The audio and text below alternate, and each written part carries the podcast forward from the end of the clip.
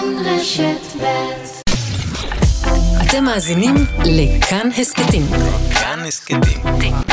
הפודקאסטים של תאגיד השידור הישראלי.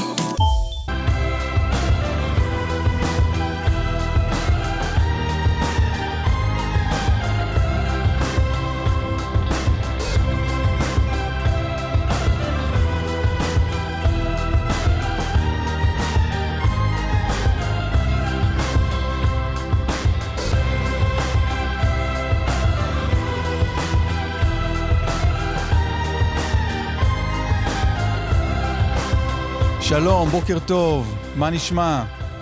אני אדבר כי קלמן עוד בהתארגנויות. שלום, בוקר טוב, מה נשמע? סיימתי הרבה זמן היה להתארגן. לך את האיפור, שיער, עיצוב בגדים, כשיש לך שיער, יש הרבה זמן אתה לאיפור אתה ולשיער. משקיע. כן. מה העניינים?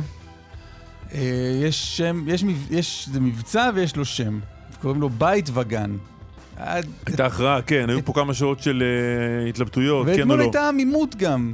שמרו את הקלפים קרוב לחזה. אנחנו לא יודעים, כן מבצע, לא מבצע, כן שם, לא שם, הנה יש שם. אנחנו נדבר בהרחבה... אני לא יודע אם נדבר בהרחבה זו המילה. אנחנו ננכיח את אה, מבצע בית וגן בג'נין לאורך השעתיים האלה, לא לדאוג. יהיו גם דברים אחרים. כל. לא, אני אומר, כל הפרטים שאין, יהיו גם פה. הבנתי. וגם, וגם ראיונות עם מקבלי החלטות, ממש, לכאורה. לכאורה. נדבר על זה. כן, ועוד מלא דברים. תשמע, לפני כל המלא דברים האלה, ראיתי איזה ידיעה, אני קורא לך אותה as איזה, בסדר?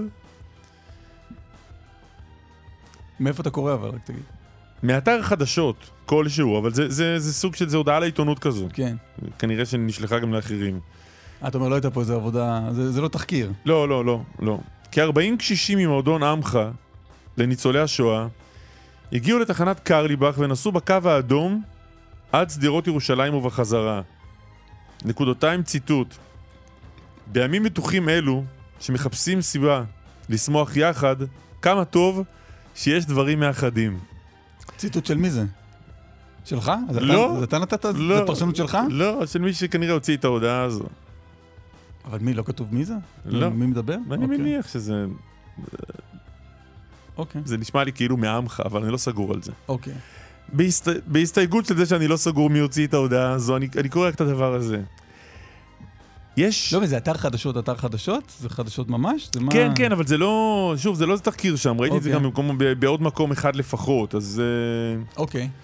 תראה, יש ז'אנר אה, שאפשר לקרוא לו ניצול שואה.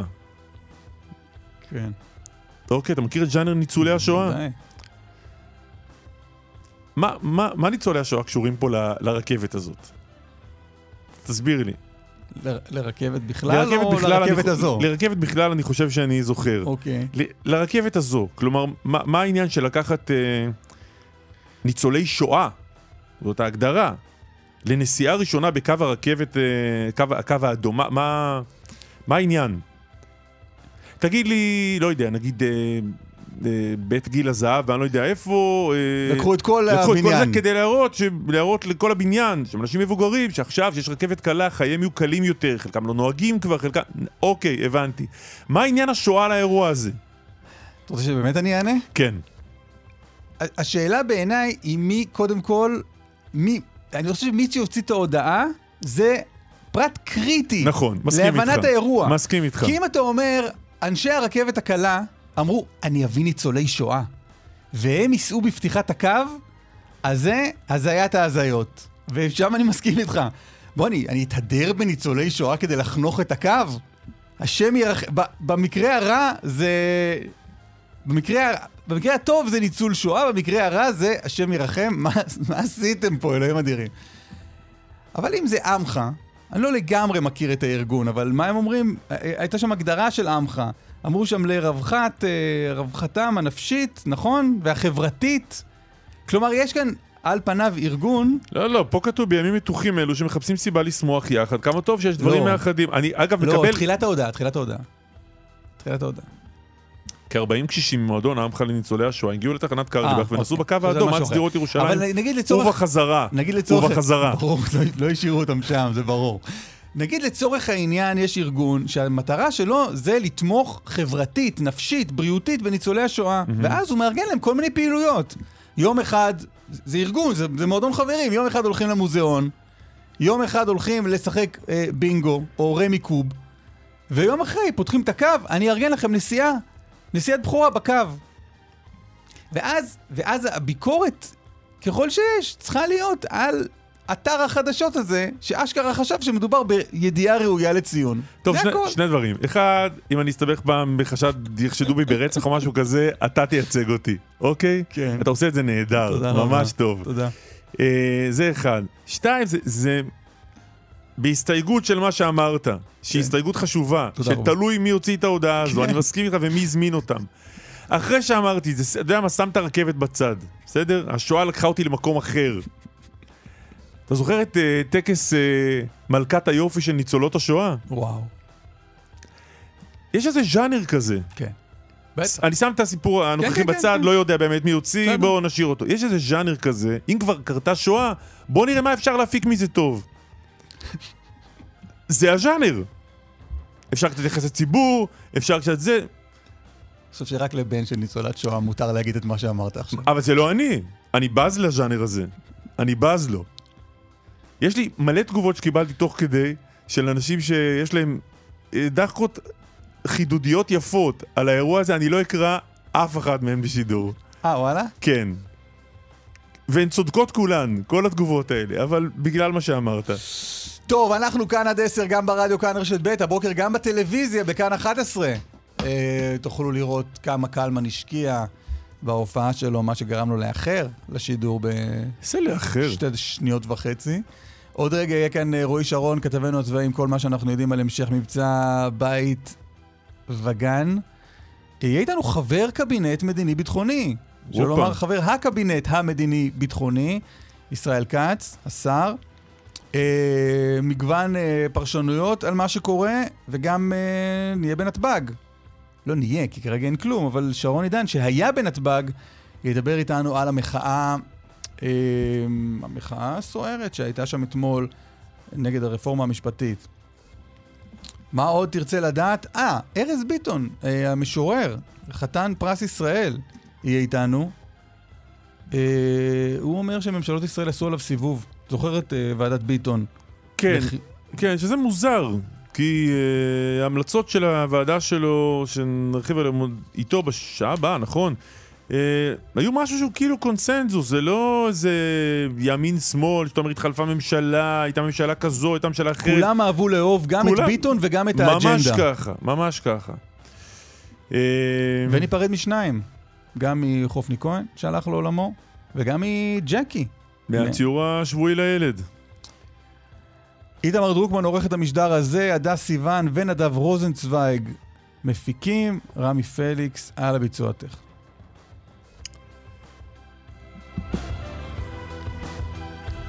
תן, אל רועי. שרון, כן. כתבנו הצבאי שלום. אהלן, בוקר טוב. אנחנו אה, יותר מ-24 שעות אחרי תחילת המבצע הזה. ננסה לסכם מה, מה עברנו, ב, מה עברו כוחותינו ביממה וקצת הזו. קודם כל, אנחנו באמת מתקרבים לשלב הסיכומים, כי סביר להניח שזו היממה השנייה והאחרונה של המבצע הזה. אה, מבצע בית וגן, נגיד, אם, אה, אם נזרום עם אלה שכן קוראים לו ככה, ביניהם נגיד גם ראש הממשלה. כי בצה"ל עדיין הם מתכחשים שזה שם המבצע. אה, ואחרי שאמרנו את העניין רגע, הזה... לא, ש- רגע, סליחה רגע, שנתפל זוטות. נתניהו בנאום פומבי, נכון, כן. ביום העצמאות האמריקני בבית השגריר, אומר שם, קורא לזה מבצע בית וגן. ראינו גם אה, מסמך של צה"ל, של- פקודה ש- שכותרתה בית וגן, מה עוד אתה צריך? כי זה, מסבירים בצה"ל, זה השם האוגדתי של המבצע, זה לא השם המטכ"לי של המבצע, ו... ונתניהו הוא חלק בלתי נפרד מהאוגדה. מהאוגדה, ברור. כן. אמ, כן, רק, רק, רק מה שמחזק רק את, מה, את השיחה ששוחחנו נכון. עליה אתמול בהתחלה, יש מבצע, אין מבצע, יש לו שם, אין לו שם, אז יש לו מבצע, יש לו שם, ואולי זה לא שם בסדר גודל, לא יודע, בצה"ל ניסו קצת להמעיט, להקטין קצת את, אה, את גודל האירוע, לפחות אה, מהשם. עד כה 20 תקיפות אה, מהאוויר במחנה הפליטים אה, ג'נין ובעיר אה, ג'נין. רוב התקיפות זה תקיפות לסייע לכוחות, להסיר, מה שנקרא בצה"ל להסיר איום, כלומר או לעבר חמושים או באזור שיש בו חמושים כדי אה, למנוע סיכון לכוחות צה"ל, וכמה מהתקיפות זה תקיפות אה, כדי לפגוע ממש אה, ביעדים. יש תשעה מחבלים הרוגים לפי הספירה של צה"ל, שזה מספר לא גבוה יחסית לזה שאם היינו מדברים לפני שבוע על כניסה של אלף לוחמים לתוך מחנה הפליטים ג'נין, האזור הכי מסוכן ביהודה ושומרון, אף אחד לא היה חושב שזה ייגמר עם אה, תשעה מחבלים הרוגים. מה שמעלה את השאלה מה המטרה של המבצע, להרוג מחבלים או לתפוס אמל"ח או מעבדות או מה? אוקיי, אז במעבדות עד עכשיו מצאו אה, כוחות צה"ל חמש מעבדות נפץ, שבתוכם ראינו תמונות של אה, מאות מטעני חבלה. חלקם גם מטעני גחון מהסוג שהונח על אה, אותו פנתר לפני שבועיים, לפני שבוע וחצי, וגם שני פירי תת-קרקע שבהם הטמינו גם מטעני חבלה. זה, כל זה קורה בתוך, אה, בתוך המחנה. אתה שואל מה היעדים? אז יש את היעדים המבצעיים הטקטיים האלה של לאסוף אמל"ח, מעבדות נפץ, שזה משהו, מעבדות חבלה זה משהו שמאוד הטריד את מערכת הביטחון, וזה אפילו הייתה דחיפה קטנה שהביאה את הדרג המדיני גם להחלטה שאין ברירה אלא צריך לצאת למבצע. אלה המטענים שהונחו נגד אה, כוחות צה"ל, אותו מטען נגד הפנתר שהביא גם לפציעה של לוחמים, ואמרו, אוקיי, אם יש כאלה מטענים בסדר גודל כזה של 20-30 קילו, עם הפעלה מרחוק, זה יכול גם להגיע נגד כוחות צה"ל ולהיגמר בצורה יותר גרועה, וגם נגד אזרחים שנוסעים בכבישים האלה של צפון השומרון, וזה ממש הייתה הדחיפה האחרונה. אז זה כן יעד uh, טקטי uh, חשוב ומבצעי שבצה"ל רואים אותו חשוב. יש גם יעד שהוא יותר רחב, גם דיברנו על זה uh, קצת אתמול, זה על העניין הזה שצה"ל נמצא בתוך מחנה הפליטים ג'נין אחרי תקופה מאוד ארוכה, שהגיחות לשם היו ממש עקיצות של יחידות מיוחדות כמו ימ"מ ודובדבן, ועכשיו יש שם כוח קרקעי וזה יאפשר לצה"ל לחזור לג'נין אה, כמו שהוא חוזר, נגיד, לשכם או לחברון. כשיש מבוקש, ייכנסו לעצור מבוקש. בלי לחשוב מאה פעם לפני זה איך זה ייגמר. כשהתחלת ואמרת שלב הסיכומים, מה, יש לך איזה רעיון ללוז? לי אין רעיון ללוז, עוד לא הספקתי לחשוב על זה הבוקר, אבל... אבל אה, אתה רוצה שנעלה אותך בשעה הבאה? אבל לפי מה שגם אתמול בערב אה, קצת הסתובבנו באזור המעבר, מעבר סאלם, כלומר מעבר, מערבית לג'נין, שוחחנו עם אה, קצינים, ו- ו- ומהמוזיקה שאני שומע זה, זה היממה האחרונה. זה היממה האחרונה, קודם כל לפני שמתחילים להסתבך שם, אף אחד, כולם מודעים לסיכונים של פעילות של כל כך הרבה כוחות בתוך מחנה פליטים, יש סיכונים של ירי דו צדדי, שזה מאוד מסוכן, ויש סיכונים של אה, להיחשף למחבלים שמחפשים כל הזמן מטרות, ויש עוד סיכון שזה התלקחות גם בזירות אחרות, שאף אחד לא רוצה להגיע לזה, ולכן אני, אני שומע שרוצים, אה, יש מספיק הישגים בשביל לסיים את המבצע ולהגיד עשינו את זה יפה, אפס נפגעים לכוחותינו, אין גם, אה, אין גם יותר מדי נפגעים, אין כמעט בלתי מעורבים שנפגעו. במבצע הזה. פלסטינים חפים מפשע, אין הרוגים, יש אה, פצועים, אבל זה גם הישג של צה"ל, אה, גם מתוך החשש שזה יגרום להתלקחות גם בזירות אחרות, בזירת, אה, בטח בזירת עזה. ולכן סביר להניח שאנחנו נמצאים, אם לא בשעות האחרונות, אז בטח ביממה האחרונה של המבצע הזה. רועי, תודה רבה. תודה. שר האנרגיה והתשתיות, ישראל כץ, חבר הקבינט המדיני-ביטחוני, הליכוד, שלום. שלום, בוקר טוב. איך אתה מסכם את המבצע עד כה? קודם כל אני רוצה באמת לברך את חיילי ומפקדי צה"ל ואנשי השב"כ על אה, ביצוע מרשים אה, מאוד ומדויק, תוך גילוי אומץ היכן שנדרש, של הפעולה בג'נין, ועל כל התוצאות שהושגו עד עכשיו, והמבצע ימשיך ככל שיידרש. מה, אבל תתן משהו על מה השגנו עד כה? המטרה הייתה אה, פגיעה במחבלים, פגיעה בתשתיות הטרור שנבנות ונבנו לאורך תקופה בהשראה איראנית, בסיוע ומימון איראני, באמצעות ארגוני החסות של איראן כמו חיזבאללה, הג'יהאד האיסלאמי והחמאס. הייתה כאן עליית מדרגה ולכן הייתה החלטה לצאת לפעולה הזאת במחנה הפליטים בג'נין כדי לסכל את תשתיות הטרור שנבנות אה, ביהודה ושומרון. ואכן אה, בעצם המסר הוא ברור, מחנה הפליטים בג'נין לא יהיה יותר מתחם דיור מוגן למחבלים ומפגעים ולבניית תשתית טרור. אתה כחבר קבינט מעודכן במה שקורה? יותר מאיתנו נגיד? כן, כן. אני לא יודע מה המקורות שלכם, אני מקווה... רועי שרון. אומרים, אני מקווה שאין הרבה הדלפות, אבל אה, כן, אנחנו מעודכנים, אבל הפעולה הזאת היא במסגרת המדיניות שהממשלה אישרה, שהקבינט אישר. מעודכנים זה מה? אה, מצלצלים לכם פעם בשעה, שעתיים? אוספים אתכם? איך זה עובד? נתחיל מעודכנים באופן שוטף, באמצעים אה, שעומדים לרשותנו לגבי התפתחות הפעולה. רדיו, טלוויזיה, עיתונים.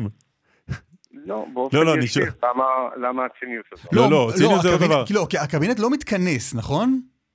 כן, אבל יש דרכי עדכון. במקרה הזה, ראש הממשלה ושר הביטחון הוסמכו ומוסמכים לבצע את המדיניות. אין כאן שינוי במדיניות, יש כאן פעולה נקודתית. יש כאן אה, שינוי כללי משחק, שינוי משוואה. אה, זה לא אה, אה, משהו שהוא שונה תסביר באיזה אופן, מה זה... מהמדיניות שאנחנו מובילים כל הזמן. לא, שינוי כללי כן. מש- שינוי כללי משח- משחק, זה כן נשמע כמו שינוי לא, מדיניות. לא, שינוי המשוואה בתוך כללי המשחק והמדיניות הקיימים, בעצם כמו שעשינו בשומר החומות מול החמאס, במכה העוצמתית הקשה ביותר שהם ספגו, כמו שעשינו במגן וחץ והסיכולים הממוקדים מול הג'יהאד האיסלאמי, והיום כל מחבל שמתכנן פיגוע, הוא יצטרך לפקוח עין לשמיים, כדי לוודא שלא צדים אותו ולא מסכלים אותו, והכוונה שלנו להמשיך בדבר הזה כדי לסכל ולגבות ולפגוע בכל אה, אה, מחבל שפעל ומתכנן לפעול כנגד אה, חיילי צה"ל, כנגד מתיישבים, כנגד בכלל אזרחים אה, ישראלים. יש כאן פעולה ייחודית במובן הזה של מכת הפתיחה, של הדיוק, של המיקוד, של הפעלת עוצמה, וכמו שאמרתי, הימים האלה שמחנה הפליטים בג'נין הוא היה איזה מתחם דיור מוגן שכל מחבל שתכנן או אחרי שביצע בא לשם וחשף שהוא מוגן, אז הנה, אתם לא מוגנים, אלפי אזרחים כבר ברחו משם, אלפי פלסטינים, מתוך המחנה, אגב, ללא הוראה של אה, צה"ל, והמחבלים האלה הולכים ונהיים מבודדים וצדים אותם ומטפלים בהם ומכים בהם. שמענו אתמול אה, ביקורת מצד אה, חברי קבינט, בעיקר ביקורת אנונימית, על זה שלא מכנסים את הקבינט. קודם כל, ברמת העובדות, מתי הקבינט ישב לאחרונה? ישב, אני לא זוכר את התאריך, התאריך המדויק, אבל הוא ישב. אני... אה, לא, אתמול חודש, שלשום או חודשיים, חודש? שלושה? אני אה, חבר הקבינט הוותיק ביותר אחרי ראש הממשלה, עד כמה שאני אה, אה, יודע. אני אוקיי. מכיר את הדברים האלה לאורך שנים. יש כאן אה, מדיניות, שהיא, אה, מדיניות אה, ברורה שמבצעים אותה. ובהחלט לא, אבל אני מתי חושב- כונס הקבינט, כמו שקלמן אני שאל, זה לא סוד. אני לא זוכר את התאריך המדויק, הוא כונס. לא, מה, דיון. בחודש האחרון, בחצי שנה האחרונה, אני בשנה האחרונה? מניח שהקבינט הקבינט יכונס בקרוב על מנת, למרות שיש דיווחים כל הזמן לחברי הקבינט. אז למה צריך את הקבינט בכלל?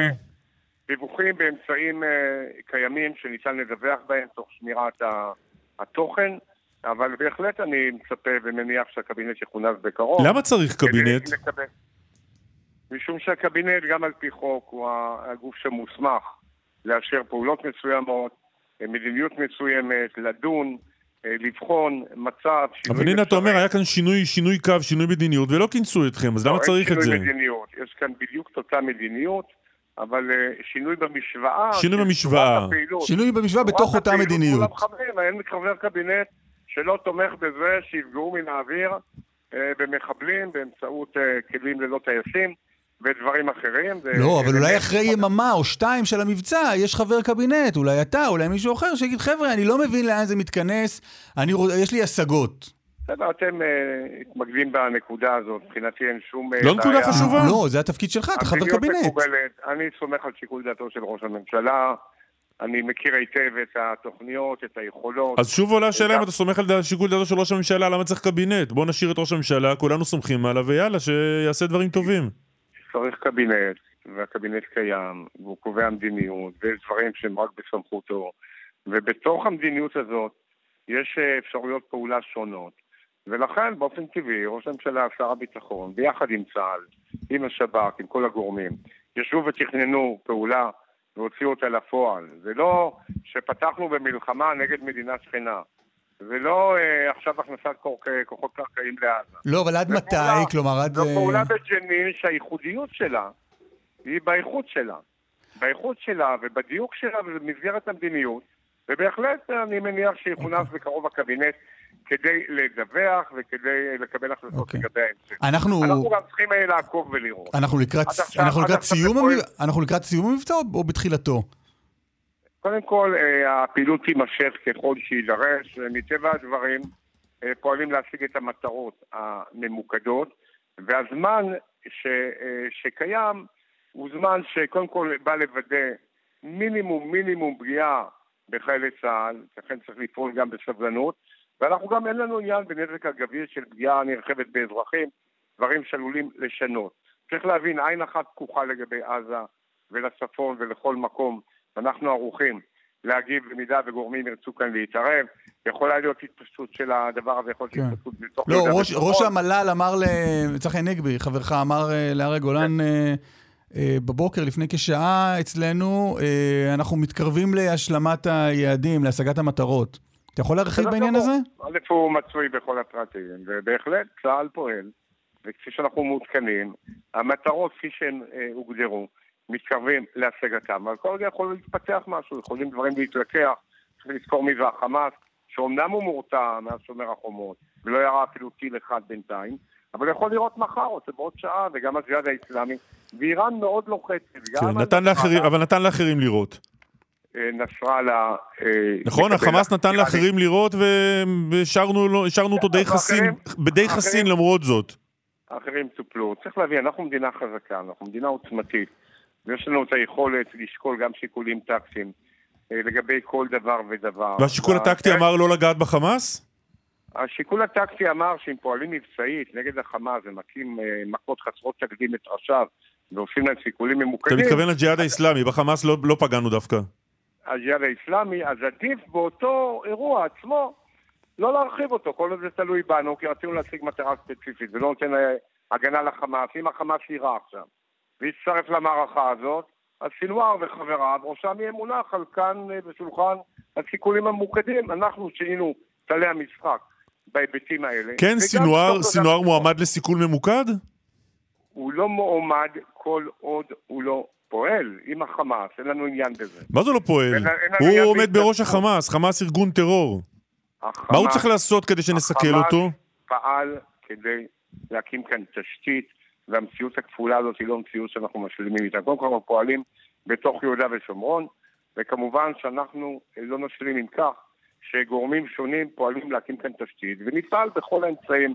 אין עניין בהכרזות כרגע מול ארגון שלא פועל. אנחנו פועלים באופן נקודתי, אנחנו הבהרנו את המדיניות שלנו, ואמרנו כבר הרבה פעמים, והחלטנו, שכל ארגון שיפעל... אבל רק כדי לסגור את. העניין הזה, הטיל הבא מהחמאס, אתה אומר לסינואר, תדע לך, ראשך בסכנה. חזרנו לסיכולים ממוקדים. אני, אני, א', חזרנו, ב', אני לא אומר, ואני אומר שאם ארגון החמאס, בואו ניקח את הנושא של הצעדה בירושלים, צעדת הדגלים, החמאס איים בדרך כזו או אחרת, כאילו יש לו זכות וטו, ואם היו יורים, היינו פוגעים בראשי החמאס בעזה, כן. טוב, אבל עני- כרגע, עניין כרגע אין לנו עניין ברור. מבחינה טקטית להרחיב. אני לא מנדב כאן הרחבה, ואני לא מנדב כאן איומים. ברור, ברור, הדברים ברורים. כרגע. ישראל כץ, עניין אחר, פוליטי אחר, אתה הצבעת הלילה בעד אה, דחיית הבחירות לרבנות הראשית? דווקא הייתי מקוזז, אבל הצבעת הסיעה מחייבת גם אותי. אני, אה, אה, אני אה, חלק מסיעת הליכוד. אתה בעד דחיית הבחירות. אגב, גם באופן מפתיע אפילו הפרקליטות תמכה מול בית המשפט העליון בעמדה הזאת, כי חשבו שזה לא נכון ערב הבחירות לרשויות המקומיות, שבגוף הבוחר יש עשרות ראשי רשויות, לקיים את הבחירות. למה? שאלתם אותי, חשבתי ששאלו אותי כשר תחבורה לשעבר, שהביא את השמיים הפתוחים ואת הטיסות הזולות, מה אני אומר על מה שראינו אתמול, על המחזה הקשה הזה שראינו אתמול בנתב"ג. אז אה, אני... אה, אה, ובתשובה שה- לשאלה שלא שאלנו? כן, בדיוק. אני חושב שהמחזה הזה במסך המפוצל, לראות את חיילי צה"ל לוחמים באומץ בג'נין, ולעומת זאת את המפגינים נאבקים בשוטרי משטרת ישראל, ולוקחים כבני ערובה 100 אלף איש בקירוב, שרוצים לטוס לחו"ל. אנחנו, כמו שאמרתי, עשינו שמיים פתוחים, הורדנו את מה המחיר הקשר, אבל. תסביר את הקשר. אבל לא חשבנו שחבורת מפגינים אלימים תחסום את שדה התעופה הבינלאומי של ישראל. אני חושב שמתנהל מבצע כזה, וחיילים מסכנים את חייליהם. אז צריך לעצור את החקיקה, אתה אומר. לא, אז אני אומר, דברים נוקבים. אני אומר ש... אה, בזמן מבצע צבאי צריך לעצור את החקיקה בעניין הרפורמה המשפטית? אם הם רוצים למרות זאת להפגין, אז שיפגינו. אבל לקחת כבני ערובה אנשים שרוצים לטוס לחו"ל, את מי הם בעצם ניצחו כאן? אני חושב שהציבור מוקיע את זה. וזה, זו, זו מחאה, השר כץ, ככה נראית מחאה. בדיוק, אגב, תגיד, נראה, אבל אתה חושב שבזמן, אתה. חושב שבזמן מבצע צבאי לא צריך להפגין, אבל צריך להמשיך בחקיקה? קודם כל לא משתקים את עבודת הכנסת ויש דיונים בוועדות, אוקיי. זה דבר לגיטימי. אני חושב שאם אתמול, אז לגיטימי גם היינו- למחות מול עבודת הכנסת ככל שהיא נמשכת? במידה והמוחים רוצים, אז יש להם זכות לעשות את זה. אוקיי. מול הכנסת ומול הממשלה ומול מי שהם רוצים.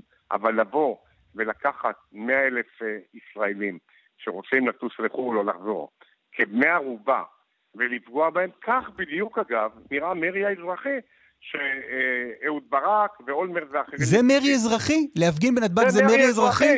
כן, זה הקו האדום, זה נקרא מרי אזרחי כשמפגינים אה, בנתב"ג? זה הקו האדום? יש קווים אדומים אחרים שהם גם עוד יחסו אותם כנראה, אפילו יותר מזה, אבל זה בדיוק חציית קו אדום של מרי אזרחי, כי לקחת את האזרחים כבני ערובה, לקבוע, הם ניסו לשתק את נמל חיפה, שזה שער כניסה ויציאה ל-99% הנמלים מהסחורות של היבוא והייצוא של ישראל, הם תפסו כאן בנתב"ג בכוח, בניגוד לכללים שסוכמו איתם על ידי המשטרה. הם הפרו את הכללים. הם פעלו שם בשיטות כאלה ואחרות כדי לשתק את הטיסות, לפגוע באזרחים, להאריך להם את השהות ואת ההמתנה. יש לך ביקורת על המשטרה? מפגינים זה לא, מפגינים, מותר לא, להם להפגין. יש לך המשטרה- ביקורת על המשטרה? המשטרה פועלת כפי שצריך, המשטרה פעלה וניסתה לסכם כללים כפי שמקובל, וכשהכללים הופרו היא גם פעלה ונעצרו שם אנשים. יש לי ביקורת על אותם מנהיגים לשעבר שבאים ומסיתים כאן ומנסים בכוח בעצם לכפות על הרוב טוב. את המדיניות שלהם. אני תומך גדול אגב בהידברות, ברפורמה בהסכמה, אבל התופעות האלה הם רק שהקשיחו את העמדות, כי אף אחד לא ייכנע כאן לאלימות ולאיומים, ואותה חקיקה אה, נתונה ומוסכמת כמעט לחלוטין, נגיד של הסבירות ודברים אחרים, צריך לקדם אותם ולא לשתק אותם. והתופעות האלה טוב. של פגיעה באינטרסים לאומיים ובאזרחי מדינת ישראל, לדעתי הציבור מוקיע את זה, את האלימות, היריקות, את הדחיפות, את ההצתות, וזה לא יביא אותם לאותו מקום שהם רוצים שר- להגיע אה, אליו. אוקיי, זה אתה אומר לא כיועץ. למחאה. שר האנרגיה. והתשתיות ישראל כץ. תודה רבה לך. תודה רבה. שלום, שלום. טוב, אה, המש- המשך מבצע, צריך לקבל החלטה, קלמן. אנחנו קיבלנו. כמ- כמערכת. לא, קיבלנו. מה? ברור, מבצע. מבצע... אבל חבר הקבינט כאן אמר לך, וגן. אבל חבר הקבינט כאן אמר הכל כדי להימנע מלקרוא לזה מבצע. אבל אנחנו לא חברי קורא לזה קבינט. פעולה נקודתית, אז למי אנחנו סומכים? כשיתכנס על הקב- מי אתה מתבסס כשאתה קורא לזה מבצע? כשיתכנס קבינט ויקבל החלטה אחרת, אני הולך עם הקבינט. אוקיי, אבל כרגע לא יתכנס. נו, אז על סמך מה אתה אומר מבצע? יש לנו ראש ממשלה. ראש ממשלה קורא לזה מבצע. אז זה מבצע. ראש הממשלה, כל מה שראש הממשלה קורא, אתה מתייצב, ראש הממשלה של כולנו. כן? ברור. בסדר גמור. כרגע, ברור. סגן אלוף במילואים אלון אביתר, שלום. בוקר טוב. בוקר טוב. פרשן לענייני ערבים ומומחה לזירה הפלסטינית. מה אתה מסיק ממה שאנחנו רואים? קודם כל בואו נקרא לזה מבצע סוף סוף. יאללה. אה, תראו, אני, אני, אומר, אני אחלק את הדברים לכמה נדבכים. אחד, במישור הצבאי, אה, ביצוע מול התכנון, אני חושב שפה אה, אפשר לסמן וי על העניין. כלומר, ללא שום ספק שהיכולות הצבאיות, המודיעיניות, כפי שמתבטאות אה, בשטח, עד כה הן מצוין, הן באמת אה, מוכיחות את עצמן. אמ, והשאלה זה אכן אה, לא מתי המבצע יסתיים, אלא מה יהיה לאחריו. ונדמה לי אה, שכאשר... רגע, אבל אלון, עוד לפני הלאחריו, אתה יודע להגיד איך מזהים את, ה, את הנקודה שבה צריך לחתוך? כי הרי ברור שאם נשאר שם עוד שבוע, יהיו עוד יותר הישגים, אם נשאר עוד חודש, יהיו עוד הרבה יותר מחבלים הרוגים ועוד מעבדות שנמצא. איך מזהים את הרגע שבו אתה אומר, אוקיי, זה מצוין, בוא נעצור פה? אני חושב ש... אני, אני לא בטוח שהאמירה שלך היא אכן נכונה, במובן הזה שככל שנישאר... לא, אפשר לגזור, אפשר. לגזור ולהדביק את מה שאמרת עכשיו על קלמן שוב ושוב ושוב לכל אורך המשדר, אז בוא, אז זה באמת מיותר להגיד את זה. המאזינים יוצאים מנקודת הנח- מנקודת נקודת הנחה שמה שקלמן אמר עכשיו הוא לא בהכרח מדויק, זה ברור. אני חושב, אני, אני חושב שבסוג המבצעים האלו, שהם לא מלחמות התשה ולא מלחמות ארוכות, צריך לפרוש בשיא. ואני חושב שאנחנו לקראת העניין. זו הייתה, ש... זו הייתה השאלה המצוינת שלי. איך מזהים את השיא? אני חושב, תראה, מהרגע שעיקר היעדים מומשו, אה, כפי שנראה עד כה, אני חושב שאנחנו נמצאים בתוך המומנטום החיובי מבחינתנו. כלומר, יכול להיות בהחלט שאם צה"ל יישאר שם גם בסוף השבוע הזה, יכול להיות שנמצא עוד מעבדה של ייצור חומרי נפץ, או יכול להיות שנמצא עוד עשרה פעילים. אבל נדמה לי שבאיזשהו שלב אנחנו צריכים להחליט שהתכלית מומשה, לפחות בעיקרה. ואני חושב שאנחנו נמצאים... אבל פה צריך להחליט קודם, שבה- צריך קודם אה, להחליט אה, מה התכלית. אז אה, נדמה לי שאם אה, אם שמענו בין השיטין, לפחות בתחילת המבצע, מה, מה היו מטרותיו, אני חושב שאנחנו אה, מממשים אותן. המטרות הן צריכות להיות ריאליות גם נוכח הנסיבות. אה, ישראל לא יכולה אה, לחסל את, הטרור, לחסל את הטרור, למוטט אותו ולמגר אותו עד תאומו במחנה לא, אז מה הפליטים כן. אנחנו, אנחנו, זה באמת, זה באמת, שוב, בגלל זה רגע אנחנו רגע, אולי נשנמך את המילה מבצע, לפעולה שבה אנחנו יודעים, יש בג'נין הרבה מאוד מעבדות נפץ, כלי נשק אה, חמושים, אנחנו נכנסים כדי להוריד את אה, מה שנקרא, לכסח את הדשא ולצאת החוצה. אני חושב שבכך מתמצים הדברים. כלומר, לרדד, להפחית ככל הניתן בפרק הזמן הנוכחי, בגזרה התחומה והממוקדת, מבלי לעורר שטחים נוספים שייכנסו לתוך האסקלציה הזו, נדמה לי שזו הנקודה שבה ישראל... אז רגע, אז לא, אז אני, אז. אני חוזר לשאלה של קלמן, אז, אז אתה אומר כן, כלומר, הרי נכסח את הדשא ככל שנישאר שם יותר זמן. אז אתה אומר, המבחן הוא, אם, אם, הרי נקודה שבה אנחנו לא מעוררים עוד גזרות ועוד אה, עוד שטחים? שני, יש, יש, יש כמה תמרורים אדומים. אחד, זה מתי ה- אה, האלימות אה, גולשת לאזורים אחרים ותגובת הנגד הפלסטינית הופכת להיות כזו שהנזק רב על התועלת במבצע הנוכחי. שתיים, נפגעים ישראלים, אזרחים וחיילים. ושלוש, מצב שהוא לא רוורסבילי, שבלתי ניתן להחזיר לאחור. נדמה לי שאנחנו נמצאים עדיין בפרק הזמן שכל יציאה ממנו, כל יציאה מהמחנה לצורך העניין, אה, תזכה אותנו בהישגים שאנחנו רוצים אה, לרשום לעצמנו מבלי ל- לרשום הפסדים. אה, אתם מכירים את המושג לחסוך הפסדים? נדמה לי שאנחנו, בזמן, נדמה לי שאנחנו נמצאים שם. ותראו, בסוף מהברז הזה לא תצא קולה. כלומר, מחנה הפליטים ג'נין, גם לאחר יציאת צה"ל, ימשיך להוות מוקד בעייתי. אני מניח שבשבועות הקרובים הארגונים הפלסטינים ששולטים במחנה אה, ינערו את האבק, אה, ישקמו את עצמם, ימשיכו לקנות אה, נשק, האיראנים ית- יתדלקו בכסף, ותהיה חזרה לשגרה. ג'נין תישאר ג'נין. אז אתה אומר, מה ישראל צריכה לעשות ביום שאחרי היציאה? תראו, נדמה לי שיש כמה מרכיבים שהם עובדות, או יותר נכון הנחות יסוד די מוצקות. אחת, זה הרשות הפלסטינית, להערכתי, לא תחזור למחנה הפליטים ג'נין כפי שהיה, אה, בוא נאמר, לפני מספר שנים. אנחנו נמצאים בתהליך הידרדרות של שנתיים האחרונות פחות או יותר, שהרשות מהאינטרסים שלה, לא בגין היעדר יכולות ומשאבים, אלא מאינטרסים שלה, היא לא רוצה לשלם את המחיר אה, של אה, הקבלן של היהודים בהיעדר תמורה מדינית. ויש לא מי שתולה את המצב שאליו הגענו בג'נין בכך שנתנו להם את האפשרות לעשות את זה יותר מדי זמן. תראה, קלמן, בסוף אה, השאלה זה מה האלטרנטיבה. אה, אין אה, חיה אחרת. לעשות מה אה, שאנחנו עושים היום, לדוגמה. מה שאנחנו עושים ולא היום... לסמוך על הפלסטינים שיעשו את זה. תראה, אם אתה שואל איפה אנחנו והרשות הפלסטינית, נדמה לי שכל אה, מערכת הביטחון אה, תוכל להנפיק לך טבלה שאומרת, בגדול, הביטחון ביהודה ושומרון, ברור שהוא במנדט ישראלי וכולי וכולי, אבל בגדול זה משהו כמו 70-30. כלומר, 70 אחוז אנחנו, 30 הרשות הפלסטינית, פחות או יותר לאורך השנה.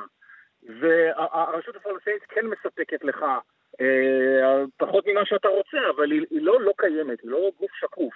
עיין ערך מרכז ודרום אה, השטחים, מרכז ודרום הגדה. לא, אני דיברתי על ג'נין. אני חושב שבג'נין אה, זה יישאר אזור להערכתי של נורמן לנד, שטח הפקר. ומשכך, ישראל בלית ברירה, בניגוד לרצונה, תיאלץ מדי פעם להיכנס, אנחנו קוראים לזה בעוד הסבבים, תיאלץ להיכנס לפעילויות כאלה ואחרות בתוך מחנה הפליטים. אני מקווה שזה לא יגלוש לעיר ג'נין עצמה, שידעה תקופות קשות לפני כ-20 שנה, כונתה בשעתו דירות המתאבדים. אני חושב שאסור לנו להגיע לשם, ואנחנו נצטרך אה, לשמור על בלנס אה, נכון גם מול הרשות הפלסטינית, אין ברירה. אה, לצד זאת הייתי מנסה לייצר לא רק אה, את אה, חצי הכוס אה, הריק, אלא גם את, את, לנסות לחפש את החצי המלא. החצי המלא, הווה אומר, למרות כל התסיסה והבעייתיות וכולי, לנסות כן לייצר מומנטום או דיבידנדים חיוביים גם עבור מחנה הפליטים הזה. הייתי מכניס היבטים אזרחיים וכיוצא בזה, הזמן לא מאפשר לנו, אבל אני חושב שלא רק דרך כוונת הרובה אנחנו צריכים לטפל באזור הזה, אלא גם באמצעות ערוצים אחרים. אוקיי, אז תן בכל זאת מילה על זה. תראו, אני לא יודע מתי עברתם שם בתוך מחנה הפליטים, אבל אפשר למשל... אפשר לדבר מילה על הביטוי הזה מחנה הפליטים? אין שם פליטים, נכון? אנחנו קוראים לזה מחנה הפליטים כי הם קוראים לזה מחנה פליטים. לא, לא נכון, כיוון שקודם כל יש עשרות מחנות פליטים, גם ביהודה ושומרון וגם ברצועת עזה וגם מחוץ לישראל, בלבנון ובסוריה. ההגדרה של פליטים אה, היא לא הגדרה ישראלית, היא הגדרה של האו"ם. מי שמנהל את מחנה הפליטים הזה, כמו גם עשרות אחרים, זה אונר"א. לא, אני אומר, אנחנו אנשים חושבים, כי אנשים חושבים בפני עצמנו בלי צורך שהאו"ם יחשוב בשבילנו. אני שואל, זה מחנה פליטים? תנטרל את המילה פליטים, תקרא לזה אה, אזור אורבני פלסטיני. אוקיי. שהוא בתחתית הסולם הדמוגרפי והאורבני הפלסטיני. אה, יש לו מאפיינים שלו, ברובם הם לא פשוטים בכלל. אני, אני יכול לומר לכם שמאז הקמתה של הרשות הפלסטינית, כבר 30 שנה עד היום, מחנות הפליטים תמיד היו הבן החורג. הבן החורג שגם הרשות הפלסטינית בעצמה לא רצתה להיכנס פנימה על כל המשתמע, mm. והשאירה את זה... כן, טוב, אבל המושג פליטות, פליטות הוא אומר משהו אחר, אבל בסדר, גם לזה נגמר לנו זמן, גם לעניין האזרחי נגמר לנו זמן, אז נעשה עוד שיחה, גם על זה וגם על זה. אה, אלון אביתר, תודה רבה. בבקשה. עמנואל שילה, עורך עיתון בשבע, שלום. שלום קלמן, בוקר טוב. מה שלומך, עמנואל? אה, ברוך השם, אה, סביר, סביר. איפה נפגעת? יצאתי בזול. בפנים, אה, בלחי, בלסת. ספר מה קרה. במשפט אחד, ערבי מחבל בן בליעל ניסה לרצוח אותנו בהשלכת אבן על רכב נוסע במהירות. החלון התנפץ, כאמור נפגעתי בפנים, אבל אה, ברוך השם אה, שזה בלחי ולא בגולגולת או ברקה, ולא איבדתי שליטה על הרכב. אז אה, הגענו, פינו אותנו, פינו אותי, את אשתי שהייתה איתי, ברוך השם לא נפגעה. אני נהגתי, כן. ואז מה, מה, מה זה מנפץ את החלון ו... ו... תראה, האמת היא שאני לא הרגשתי, חוץ מחבטה לא ראיתי ולא הרגשתי כלום, אני אפילו לא זוכר איך המשכתי לנהוג ועד שהגענו למקום מבטחים בחוות גלעד ושם טיפלו בי ומשם פינו מה סיפרו לך? איך, איך המשכת לא, לנהוג? אשתי, אשתי אומרת שאמרתי לה שקיבלתי מכה חזקה ופשוט המשכתי לנהוג ושזרקו עליי אבן. אתה לא זוכר את לא, זה? אני לא איבדתי הכרה, לא איבדתי הכרה, אבל, אבל אני לא זוכר את זה, לא. אני יודע מה אשתי סיפרה לי. בסדר, זה גם לא לקח הרבה זמן, שניים שלושה קילומטר עוד נסענו, ושם כבר אה, אני זוכר שמטפלים בי וש... שוב, מאיפה, מאיפה לאן? Uh, היינו בשמחת uh, רוסין של חברים ביצהר, ונסענו חזרה לכיוון קרני שומרון, זה נקרא ציר גלעד. אה, בין יצהר לחוות גלעד. אה, אומרים לי שזה מקום שזורקים בו אבנים הרבה פעמים. זה היה ב-11 בלילה. קרה לך כבר? אה, קרה לי, אבל לא בפגיעת גוף. קרה לי שנסעתי עם האוטו ונופץ החלון שלידי, ואז זה הסתכם בנזק לשמשה ולרכב, אבל לא, לא נפגעתי. גם לבת שלי, אגב, זה קרה, אה, אותו דבר, גם כן אה, זרקו עליה אבן, אה, חלון התנפץ, ברוך השם לא נפגעה. אז הפעם נפגעתי, וברוך השם שזה לא הסתיים באסון. אתה בבית חולים עכשיו? אני בבית חולים מאיר, כן, בכפר סבא. ומה שלומך? בסדר, ברוך השם, אני מקווה שאני בדרך החוצה. הפגיעה היא אה, לא חמורה. לא ראית את מי שזרק. ממש לא, לא ראיתי כלום. אה, חושך גמור. אה, אה, רואים רק את מה שהפנסים של המכונית מראים, הזריקה הייתה מהצד.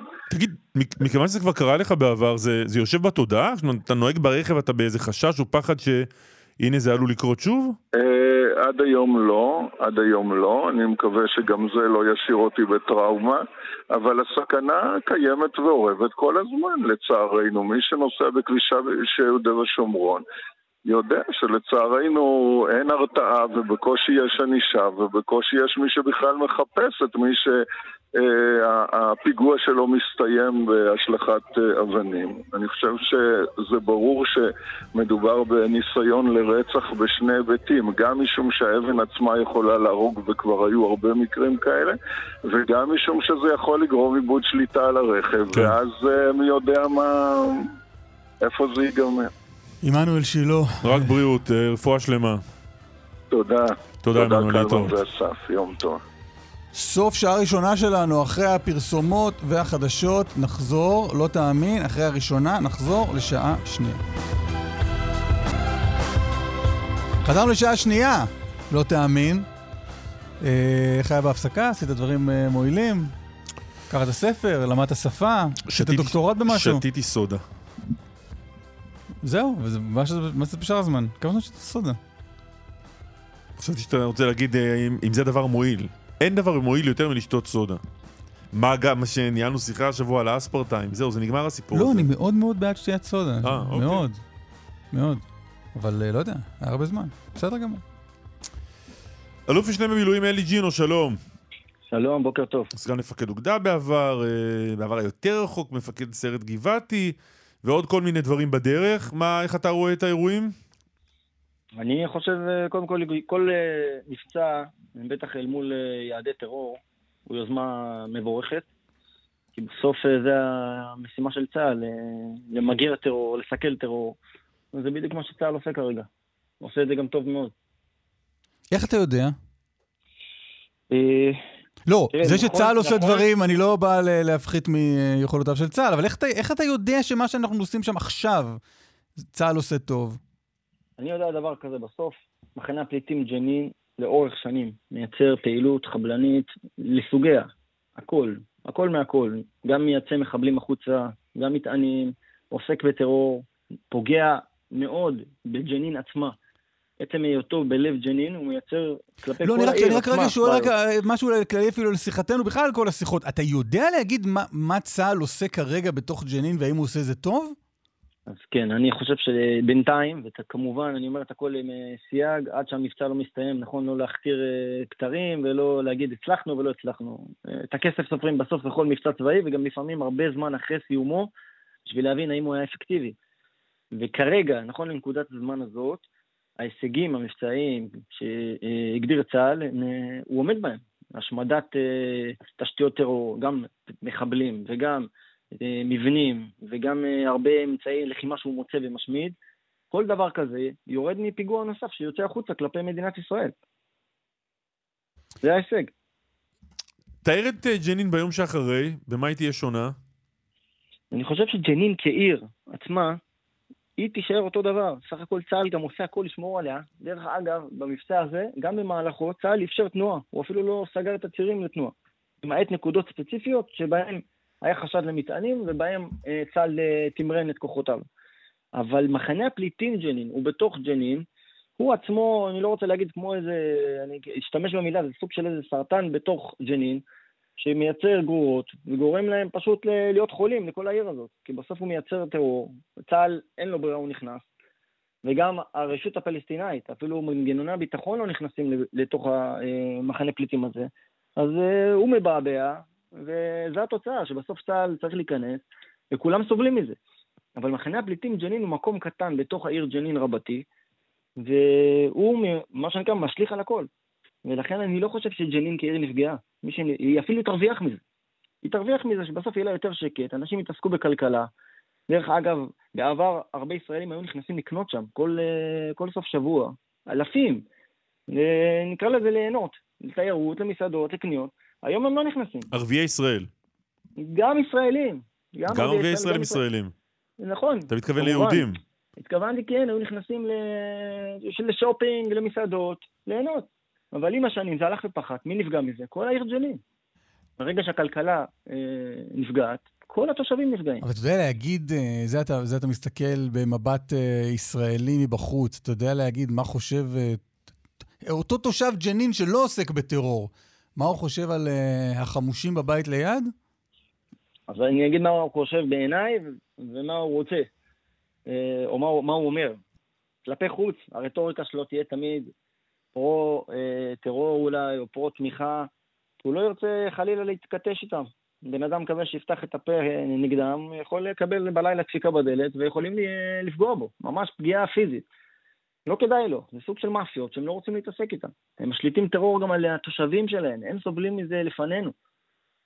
הוא לא רוצה את זה, אבל מה הוא רוצה? הוא רוצה בסוף, כמו כל בן אדם, בעיניי, הוא רוצה לקום בבוקר, לנסוע בעיר שמתפתחת, ויש ערים כאלה באיו"ש שהתפתחו. אה, הוא רוצה כלכלה, הוא רוצה ביטחון, הוא רוצה שהילדים שלו ילמדו השכלה נורמלית, ושלא בקירות, שנוסעים בתוך ג'נין, רואים על הקירות פוסטרים של שהידים ומחבלים, וגם בבית ספר מלמדים אותם ג'יהאד, ג'יהאד, ג'יהאד. אני בטוח שהוא לא רוצה שהילד שלו ילמד את זה. הוא רוצה שהילד שלו כנראה יהיה רופא. זה אני מאמין. אבל הוא לא יגיד את זה. חלק גדול מהם בולע את הצפרדע. כמה לא אחוז רוצה מהם, כמה. אחוז מהם לדעתך עונים לתיאור שציירת עכשיו? אני חושב שמחוץ למחנה הפליטים ג'נין, כי עוד פעם, מחנה הפליטים ג'נין הוא בועה של שטיפת מוחות, וזה ילדים שגדלים לתוך תרבות אחרת לגמרי, אבל בעיר ג'נין רבתי, אני חושב שאחוז של 70-80 אחוז מהם באמת באמת בתוכם, בתוך ליבם, היו רוצים את זה. כי הם, בסוף בן אדם הוא בן אדם, הוא רוצה חופש, כן. הוא רוצה שהילדים שלו יגדלו אה, טוב יותר ממה שהוא גדל, ולייצר להם את התנאים האלה. אלוף משנה במילואים אלי ג'ינו, תודה רבה לך. תודה רבה, בוקר טוב, ושצה"ל ימשיך במבצע שלו. בהחלט. מיכאל שמש כתבנו הפוליטי, שלום. שלום, שלום, אה, קלמן, שלום אסף, בוקר טוב. מה קורה? אה, אתם יודעים, בוקר אה, מעניין בכנסת, כשוועדת החוקה של הכנסת צפויה היום לדון, למעשה גם אה, לאשר את צמצום מילת הסבירות, ואני חושב שהדיון היום בבוקר מלמד אותנו על הדחיפות והחשיבות שהקואליציה מייחסת לקידום הצעת החוק הזאת, כי השבוע הזה מאוד מאוד מאוד קשוח לחברי הכנסת, גם בגלל שעולים הרבה מאוד חוקים לא בהסכמה וסדר יום ארוך, אה, עשרות שעות של דיונים וממש אה, דיונים אה, מסביב לשעון, כשבמקביל גם יש מבצע וחלק מהשרים לא רוצים להגיע לכנסת, והיה לקואליציה בעצם את כל הסיבות שבעולם למה לנסות להשיג איזשהו דיל לקצר את סדר היום, והאופוזיציה באמת הציעה דיל כזה. אתמול עברה הצעה רשמית של האופוזיציה לקואליציה, אמרו להם, אנחנו מוכנים לקצר לכם את סדר היום באופן מאוד מאוד משמעותי, ככה שסדר היום מסתיים כבר היום ב-12 בצהריים, וכל חברי הכנסת יוכלו ללכת לסוג של אה, אפילו סוף שבוע ארוך בבית. איך מקצרים? אה, פשוט מגיעים להסכמות על אה, סדר היום, אה, הדברים עוברים אה, במהירות, וככה אפשר ללכת הביתה, והאופוזיציה גם הסכימה לאפשר אה, קידום מהיר של אה, אה, חוק אה, טבריה, חוק הרבנות, כל זה היה אמור להסתיים למעשה כבר היום ב-12 בצהריים. והקואליציה, אה, וכמובן בתמורה לכך שהדיון בוועדת חוקה שאמור להתקיים בבוקר יידחה לשבוע הבא. אז האופוזיציה אה, הציעה את הדבר הזה והקואליציה סירבה נחרצות, אמרה אנחנו רוצים לקיים את הדיון בוועדת חוקה למרות שהמשמעות היא עוד אה, שעות ארוכות מאוד של דיונים, גם לשכת ראש הממשלה הייתה במגעים האלה וגם היא רצתה לסיים את סדר היום מוקדם, אבל כל המגעים לא הועילו בסופו של דבר, שמחה רוטמן מאוד מאוד אה, עמד על כך שהדיון יתקיים היום כמתוכנן וזה מה שקורה גם הבוקר, אה, עילת הסבירות צריכה להיות מאושרת אה, בוועדה ובהמשך גם כן... שזה אה, העניין המשמעותי, כן. ולא התנאי תא של אה, הח"כים, לא? כאילו, לא, ליבי ליבי. אליהם, מתי הם יוצאים לסופש ומתי לא, אבל... אה, לא, בס- להם זה חשוב, אתה יודע, בסדר, אני אומר, לקואליציה, היה הזדמנות, אתה יודע, חברי הכנסת שלנו אמנם חרוצים מאוד ועובדים מסביב לשעון, אבל הם תמיד מעדיפים להגיע להסכמות זה על סדר היום. סרקזם? לא, ממש לא. לא. חברי הכנסת עובדים מאוד קשה, ובאמת, אה, אה, הם תמיד שמחים להגיע להבנות, אם אפשר לקצר, אם אפשר לחסוך קצת זמן. זה נוח. לשני הצדדים, זה לא משהו שהוא אה, טוב רק לקואליציה. אבל בפרט לקואליציה שמטפלת, אה, כאמור שרים וראש ממשלה שעסוק עכשיו במבצע, וזה פחות מעניין אותו, אני מניח, להגיע לכנסת להצביע על החוקים. אז היה כאן את כל הסיבות שבעולם למה לקצר את סדר היום, וכנראה שזה גם מתאפשר מבחינת לו"ז, אבל הקואליציה לא הסכימה עקרונית, אמרה אנחנו רוצים לקיים את הדיון, להצביע. תגיד, כדי להבטיח מיכאל, שזה יעבור ההחלטה לספר המשך. בנוגע לנוסח של אה, צמצום עילת הסבירות, מי מקבל את ההחלטה הזאת? זה יושב ראש הוועדה שמחה רוטמן, יושב ראש ועדת חוקה? זה, מה יובא- ההחלטה מה יובא. לאישור הח"כים לקראת אה, המשך חקיקה? אז תראה, דבר מה שמגיע ומה שעולה הבוקר זה אותו אה, סעיף שהבסיסי, מה שכבר עלה למעשה, לא שונה החוק, לא רוכך ולא כלום. הנוסח המקורי שאומר שבית המשפט לא יוכל להתערב לנבחרי ציבור ב- ב- ב- בשיקול הדעת והסבירות שלהם, זה, זה הנוסח הבסיסי, הוא עדיין לא שונה. אבל יש החלטה של ראשי המפלגות ושל ראש הממשלה שהחוק הזה לא יחול על רשויות מקומיות. אני מניח שבין הקריאה הראשונה, אה, בוועדה כמובן, בין לא, הקריאה זה, זה מה שאני. שואל, אז מי קיבל את ההחלטה להביא את זה ככה, את הנוסח המקורי ולא את הנוסח המרוכך? זה החלטה של נתניהו לוין רוטמן או החלטה של רוטמן? אני מניח שאת ההחלטה להביא את הנוסח הזה זאת החלטה של רוטמן. אני מניח שפשוט רוצים לשבת על השינויים אה, ולקיים עליהם, עליהם דיון וצריך קצת זמן, רוצים לשמוע כנראה חוות דעת משפטיות, דברים מהסוג הזה, שעוד ייקח זמן לפתח בהמשך. שזה יהיה אחרי הקריאה בשלב הראשונה. הזה. בדיוק, אני מניח שהם רוצים לזרז כמה שיותר מהר, שוב, המטרה העליונה ומה שהקואליציה שמה לנגד עיניה, זה לאשר את החוק הזה עד סוף המושב, והכל נועד להסתדר עם הדבר הזה. מיכאל, תודה רבה. תודה לכם, בוקר טוב. בוקר טוב. בסוף הם עושים בדיקה, נו. חשבו על חו"ל וזה, אמרו, לא, לא נקפוץ מעל הפופיק, נעשה לא חופשה בחו"ל, נעשה חופשה בארץ. הרבה יותר יקר אבל. פי אל, פי מיליון יותר יקר. שואלים פי אותי קודם. מיליון יותר יקר. אני חושב שחופשה בישראל, לעומת חופשה פיינשמייקרית באירופה, הפיינשמייקר מנצח. טוב, חזרנו לשידור. לא, אבל זה קשור, שרון עידן, שלום. שלום, שלום. מה העניינים? אה, אה, אתה, אתה, כשאתה עוסק ב... אתה גם כתב תיירות, נכון? לא רק... אה, נכון.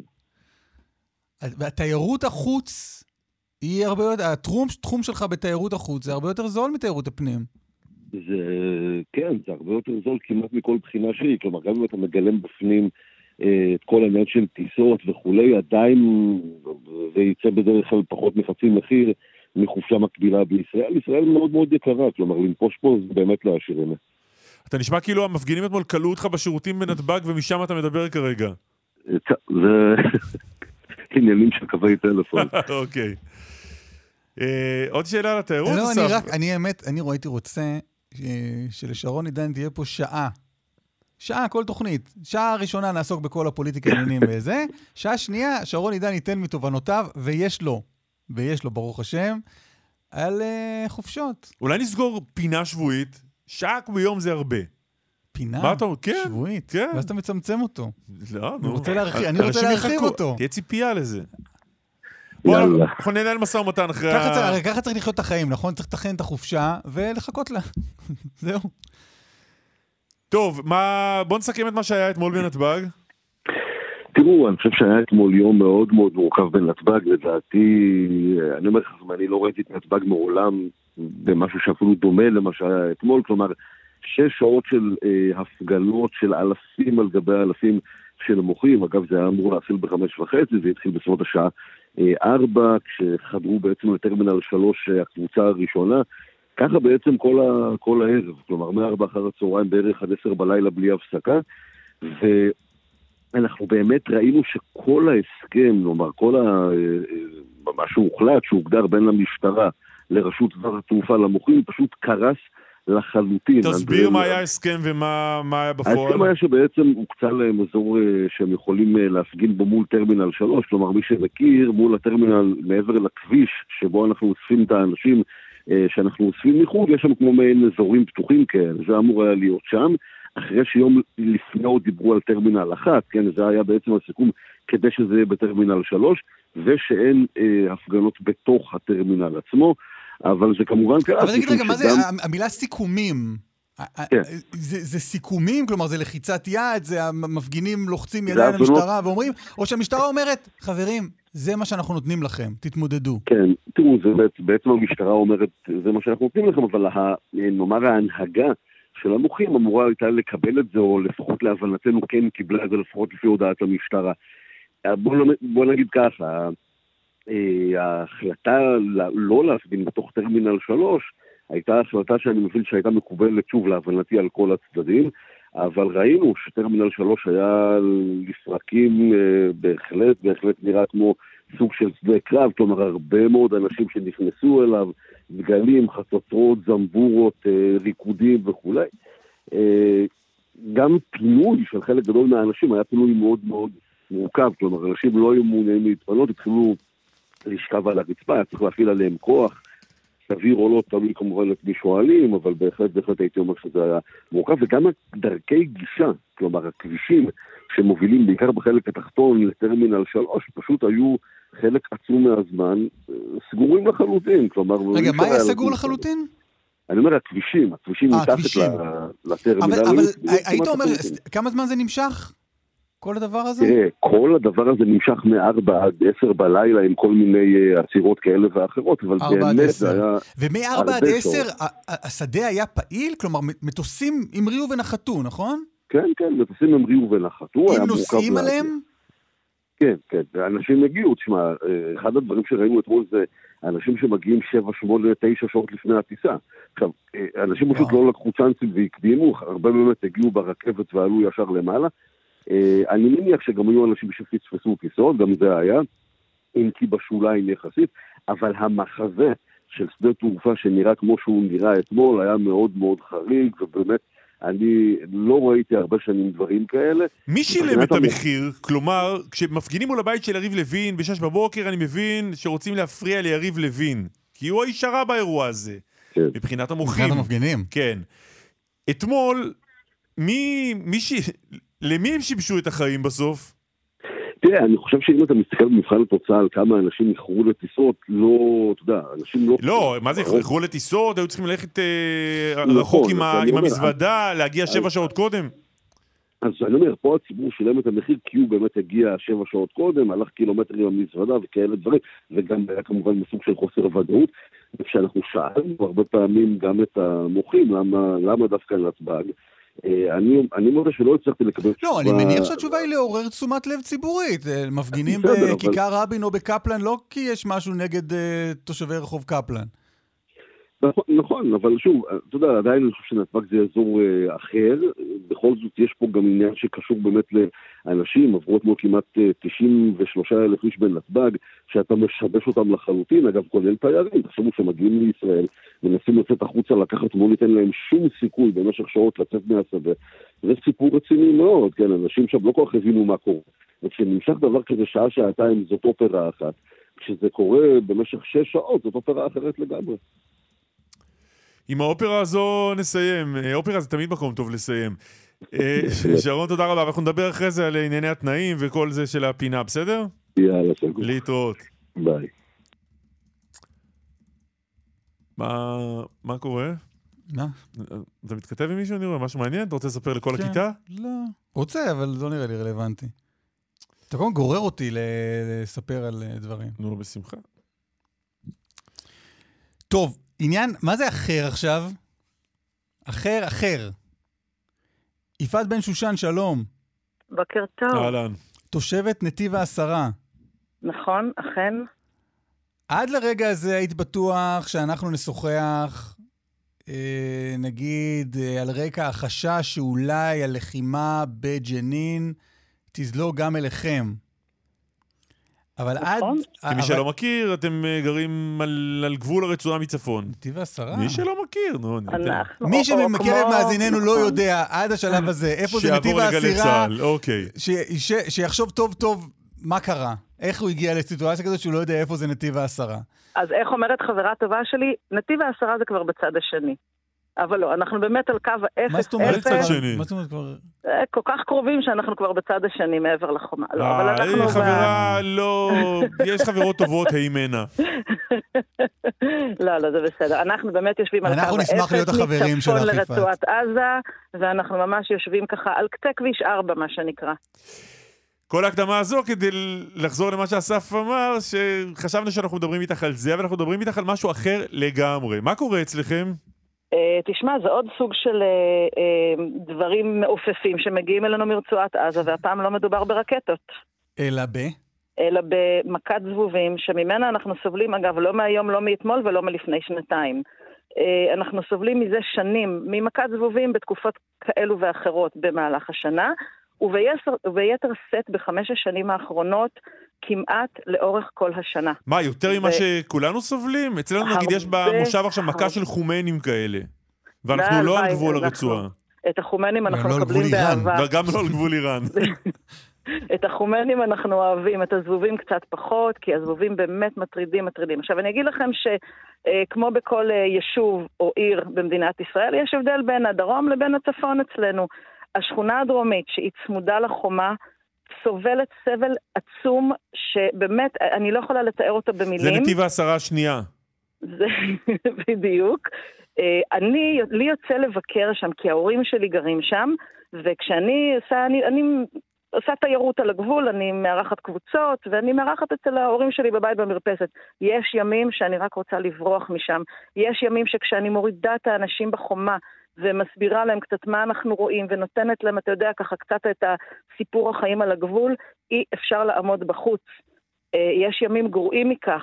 אני מדריכה, ואז באמצע ההדרכה, זבוב נכנס לתוך הפה. מה עושים במצב כזה? יורקים אותו. שאלה. אני הייתי יורק זה- אותו.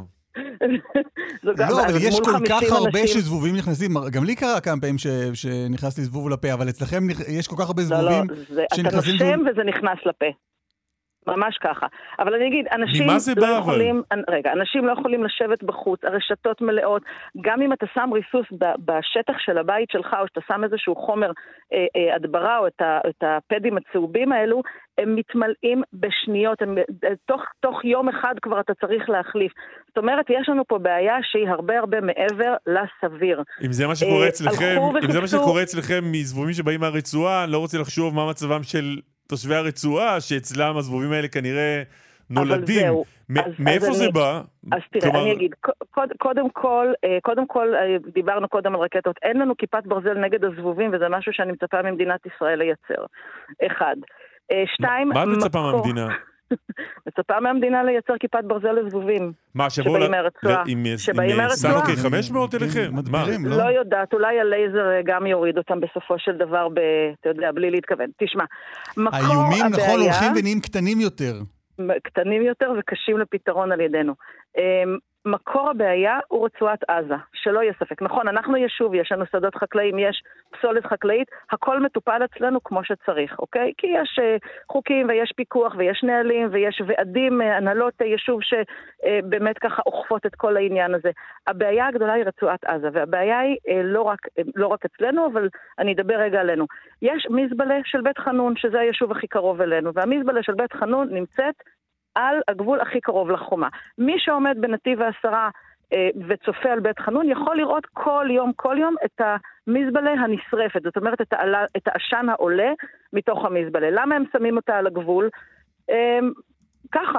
כי הם יכולים, נקודה. הם שמים את זה אגב לאורך כל הרצועה, אגב זה לא רק עניין של רצועת עזה, גם ביהודה אז זה ושומרון גם זה ככה. השרפה וגם הזבובים.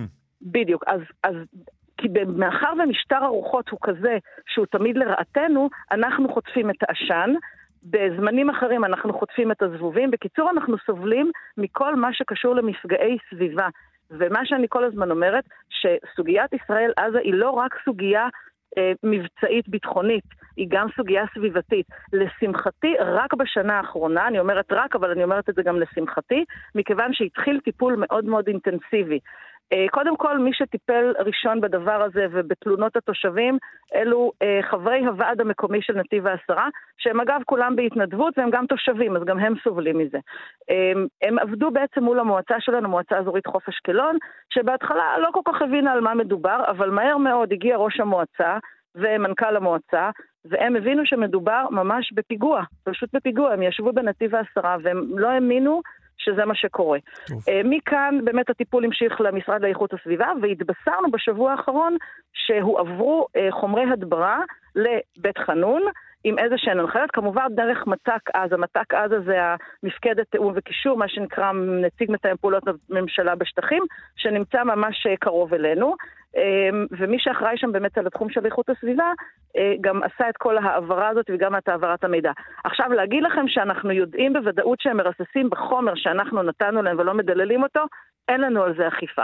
אני יכולה להגיד לך שבימים האחרונים יש הקלה מאוד גדולה. אה, אבל אנחנו לא יודעים, אנחנו עכשיו מהמרים מתי זה יחזור. מכיוון שריסוס מחזיק כמה ימים או כמה שבועות, הוא לא מחזיק חודשים ולא מחזיק שנים. אז זה משהו שצריך לעשות באופן קבוע כל הזמן. אוקיי. רשמנו לעצמנו. תודה, יפעת. תודה רבה. תודה רבה לכם, ושנמשיך לדבר על אה, זבובים ולא על דברים אחרים. בעזרת השם. בטח. ארז ביטון, שלום. שלום וברכה. בוקר. טוב. המשורר ארז ביטון. חתן פרס ישראל, וגם יושב ראש ועדה שנקראה בזמנו על שמך, ועדת ביטון. תזכיר לנו במה עסקה ועדת ביטון? באופן פורמלי, הגדרת הפעולה של הוועדה הייתה העצמת הזהות אה, של יהדות המזרח בתוכניות הלימודים, בתוך מסגרות הלימודים של משרד החינוך. תן את ההמלצה... מבחינה- אה, כן, אוקיי, ומבחינה מבחינה פורמלית? מהותית, כן. מבחינה מהותית הכוונה הייתה להגדיל או להעצים את ההיכרות של אה, שכבות שונות בתוך החברה הישראלית, אה, בייחוד לגבי שכבות שלא ניתן להן ביטוי עד עכשיו. אני אתן לך דוגמה, 18 קהילות באו בפנינו, איראן, יש הרי שפע נפלא של תרבות יהודי איראן שלא באה לביטוי בתוך תוכניות הלימודים, בוכרה, מרוקו, אלג'יריה וכול, וכן הלאה וכן הלאה. הגשנו 350 עמודים של המלצות ושל מסקנות, שמטבע הדברים... תן את ההמלצה גם- שאתה הכי גאה בה. אה, היא לא התקבלה, זה מה שאני אומר, שאין לי מה להתגאות, כי... לא, ההמלצה התקבלו- שנראית לך לא, חשובה ביותר. כן. תודה, קלמן. החשובות, ההמלצות שצריך זה להקים מערכות של אה, מכללות או פקולטות בתוך האוניברסיטאות שייתנו אה, תקציבים לדוקטורים, אה, פרופסורים וכולי, שהעיסוק שלהם בהיסטוריה של יהדות המזרח. עכשיו, אני אומר, יש לזה גם תכלית חברתית עמוקה, שככל שאנחנו מכירים אלה את אלה, השנאה, ההתנשאות, הקיטוב, הכל, אה, יהיה הרבה יותר קטן. אתמול בוועדת החינוך של הכנסת הגיעו למעלה מ-60 דוקטורים, פרופסורים, חברי כנסת, שכולם אמרו, אנחנו שמונה שנים מדברים על ועדת ביטון, אלוהים אדירים. כולם מסכימים, השלטונות... כולם מסכימים, גם- יש קונצנזוס, אני לא, לא זוכר מישהו שיצא נגד הרעיונות שלך. כמה כסף זה- השלטון- כמה כסף אתה- זה היה אמור לעלות, הקמת כל הפקולטות האלה, או מה שזה לא יהיה? מאתיים- אה, אה, מיליארד 250 מיליון שקל לחמש שנים, 250 מיליון. עכשיו אני אומר, הפקידות של משרד החינוך, בצדק מבחינתה אומרת, אנחנו בכלים שלנו עושים את, את המיטב, אבל לא יכולים לעשות הרבה, כי אין כלים נוספים. היה מנגנון בשעתו בתוך מערכת משרד החינוך עם תקציב ספציפי לביטוי של הנושא הזה, וזה לא, לא מומש. לא קרה כלום? מאז שהגשת את המסקנות לא קרה כלום? לא, הם מנסים בכלים שלהם לעשות דברים אה, אזוטריים, דברים מאוד מאוד אה, מינוריים, דברים קטנים. שום ממשלה, של- שום שר, באיזה שנה הגשת את זה אז? הם ב-2016. שבע שנים לא קרה כלום בשום מקום, שום ממשלה, שום שר? לכן, קלמן, אני הקמתי צעקה אתמול בכנסת ואמרתי, רק על ידי חוק, חוק ספציפי, על ידי הקמה מחדש של מנהלת יהדות המזרח בתוך משרד החינוך, ועל ידי תקצוב של 250 מיליון שקלים כבר לשנה הקרובה, למשך חמש שנים, אז אני ידע שאני לא צריך עוד פעם ועוד פעם ועוד פעם לצעוק כמו ככרוכיה, כרוכיה על אה, ועדת ביטון, ועדת ביטון. המקום שבו זה נתקע זה משרד האוצר? לא, בהכרה של אה, אה, צורך בחוק שמאפשר תקציבים שהם מעבר לתקציב. יכול להיות שזה משרד האוצר, כי מה אומר לי שר החינוך? אומר לי, אני עוסק כמיטב יכולתי בתוך מסגרת התקציב הקיימת. זה אומר להעביר תקציב, כמה מיליונים מפה לשם וכולי. במשך שמונה שנים האפשרות התקציבית הייתה עשרים וכמה מיליוני שקלים ספציפית לנושא הזה. זה, זה מגוחך, זה, זה כלום. אז להשתמש בכלים שהיו כבר קודם, זה אומר להמשיך במצב הקיים, שהוא מצב אה, לא, לא, לא אפשרי בכלל. אוקיי. ארז ביטון, תודה רבה. תודה, תודה. תודה רבה, אסף, תודה רבה, קלמן. ביי. שרון עידן, זה לא הפינה שדיברנו עליה, זה משהו אחר, שלום. כן, שלום, שלום. מה קרה ליד אה, מחלף גלילות? תראה, באזור מחלף אה, גלילות, ממש לפני משהו כמו אה, חצי שעה, אזור כביש 5, אנחנו מבינים שמדיווח ראשוני, אוטובוס מידרדר במקום, אני כבר אומר, יש שם מעט, יש שם לא מעט נפגעים, אבל כולם במצב קל מאוד, ואני מבין עכשיו גם מאנשי מגן דוד אדום, שכולם הצליחו לצאת באופן פיזי מהאוטובוס לבד, והם נמצאים שם אה, ותכף יחולצו מהמקום, מדובר על 20 אנשים, כאמור שפצועים כנראה קל מאוד, האוטובוס הזה מתדרדר מאיזושהי סיבה, אה, קלמן ואסף שם באיזושהי אה, ירידה באזור של צומת גלילות, כביש מספר 5, ולשמחתנו כאמור אין לנו נפגעים משמעותיים באירוע הזה, זה דיווח ראשוני מאוד שאנחנו מקבלים עכשיו, 20 נפגעים שכנראה מתהלכים באופן עצמאי ופשוט יצאו מהאוטובוס, והעדכון האחרון של מגן דוד אדום ממש עכשיו אומר שלא ידוע גם על לכודים, כלל הנוסעים יצאו מהאוטובוס ונמצאים בשול הדרך במקום בטוח וממתינים משם לחילוץ. אני מניח שהמשטרה עוד מעט תבדוק את האירוע הזה, אבל אותם 20 אנשים שנמצאים באוטובוס שיידרדר במצב אה, טוב מאוד, מתהלכים עצמאית, ולשמחתנו זה האירוע כרגע. אוקיי. תודה שרון. תודה שרון. תודה. הלך לעולמו, הלך לעולמו אה, יהושע ג'קסון, יהושע ג'קי ג'קסון, או כמו שאתם מכירים אותו, כג'קי מהציור השבועי לילד. והוא בן uh, אה, 87.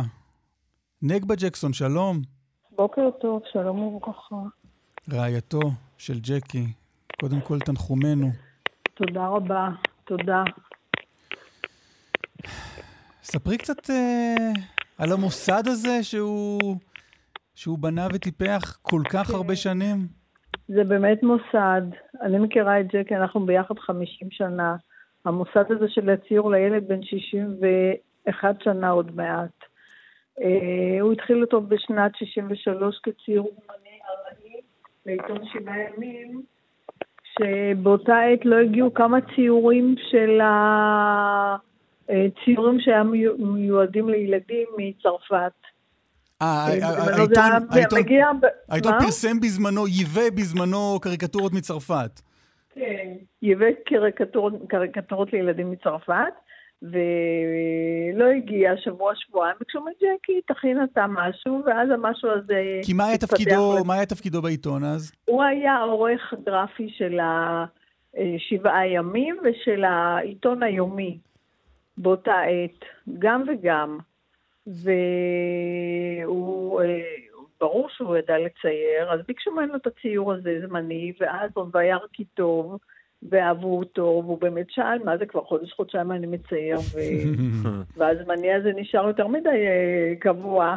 אז אמרו לו, כן, אוהבים את זה, יש תגובות טובות, אנשים, ילדים, ותמשיך, וככה הוא המשיך את זה עד uh, יומו האחרון. אבל מה שאת אומרת, נגבה זה שהכרתם הוא כבר היה...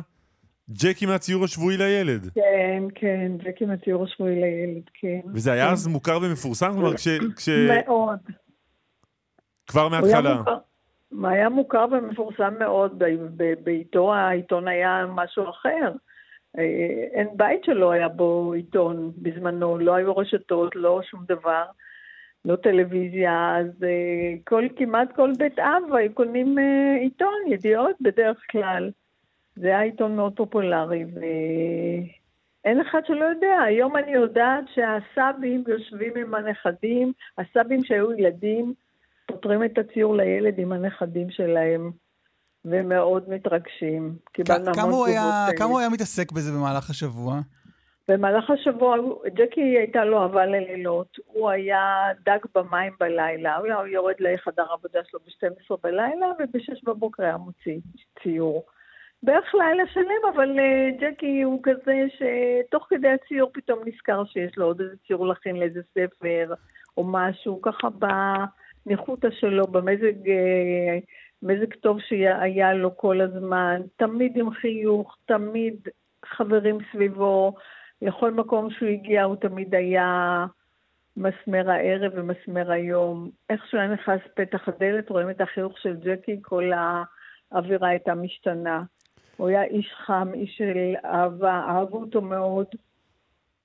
וזהו, השאיר מורשת אחריו. ספרי קצת איך הוא קיבל את, ה... את הרעיונות למדור. כלומר, כשאני הייתי קורא אצלו על אה, דודי הקטן שהלך למסיבת בר המצווה ואיבד את הכלב בדרך, כן. מאיפה זה בא? אז תשמע, יש לנו המון בקשות, המון בקשות מאנשים שמתקשרים ושולחים מיילים ווואטסאפים.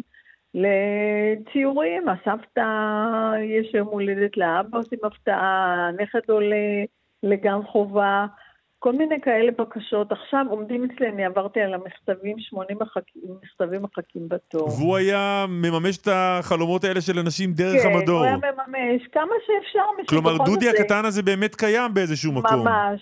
כן, כן תמיד כן. כל שבוע זה היה מבוסס על סיפור אמיתי? 99% מהציורים על, על סיפור אמיתי. ותמיד ישב מישהו בקשות. בבית ואמר, וואו, זה, נכנסתי לעיתון. כן, אנשים מאוד היו מתרגשים. בטח, וגוזרים נתונים על המקרר. ממש ככה, ממסגרים תולים על המקרר, זה כמו שאתה אומר. מאוד מאוד אהבו את, ה... את ההרגשה הזאת שהנה, יש להם ציור והופיעו בעיתון. כמה, הוא, כמה, הוא, כמה זה היה חלק מהמהות שלו, כלומר, כמה הוא ראה את עצמו ג'קי מהציור השבועי לילד? תשמע, זה כבר היה מותג, למרות שהוא אייר ספרים, גם ספרי ילדים ועריכת גרפית. כן, זאת אומרת, הוא עשה עוד דברים בחיים חוץ הוא מזה. הוא עשה עוד דברים, אבל הציור זה היה, זה היה, הלך יחד איתו. זה היה שם נרדף לג'קי. ג'קי מהציור השבועי לילד. ממש כך. וזהו, זה הלך איתו עד הסוף. לצערי הרב, הוא נפטר בגלל שטות. שטות? הוא עקר שן, כן, הוא עקר שן וחטף חיידק במעלה אחרי העקירה. וואו. והחיידק הזה התיישב לו על הלב במסתם, ואי אפשר היה ל... לעזור לו בזה. וואו. מתי, מתי הייתה העקירה הזאת? ממתי המצב הידרדר? לפני שלושה חודשים. בבית חולים, לא עוקרים בגיל הזה סתם ככה. הולך לבית חולים בצורה מסודרת, כירורג, כרופא כירורג, וזה מה שקרה. אז לאט לאט הוא נחלש, וזהו אתמול שאני וביתי יעל מחזיקות לו את הידיים במיטה בבית כמובן, היה בבית כל העת, מטופל עם ביקורות של רופאים ואחיות, ואחזנו לו בידיים, ובשעה שתיים וחצי הוא פשוט, הרגשנו את הנשימה האחרונה.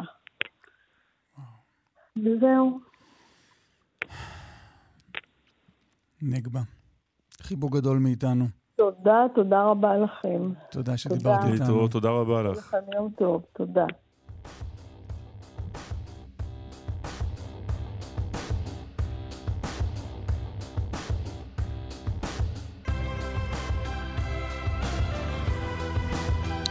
תגיד, איך לדעתך ייראה ויישמע המשדר של מחר מבחינת המבצע בג'נין? סיכומים. כלומר, ייגמר, מאחורינו. אני אענה לך כמו חבר קבינט. לא, לא, לא, לא, לא. לא, לא. זה היה לנו, היה לנו, כן, היה לנו מספיק מזה היום. יש סיכוי טוב שזה ייגמר, יכול להיות לא, שאם... לא. שאם לא נשלים את בנק המטרות, נמשוך את זה עוד קצת, ימים יגידו. אני עזבתי את בנק המטרות, אני לא, לא יודע, לא, לא אהבתי את הריבית, הייתה להם ריבית רצחנית. בשביל זה עושים את המבצע הזה, כדי לחסל את הריבית הרצחנית ואת מי שקבע את שאר הריבית הרצחנית. אז אתה אומר נהיה אחרי זה? זה ייגמר במהלך או היום? או שכן, יש סבירות גם שלא. יש סבירות. בוא תבדוק אותי מחר. אנחנו נשמיע לך את ההקלטה הזאת. תבדוק אותי מחר. אה, לא אמרנו תודות לאיתמר דרוקמן שערך, הדס סיוון, נדב רוזנצוויג הפיקו, רמי פליקס, רומן סורקין, ניהול ביצוע טכני, חגית אלחיאני במוקד התנועה, קרן נויבך אחרינו. חוזרת אחרי היעדרות מה. יפה, יפה. בסדר יום. קלמן, תודה רבה לך. סף להתראות.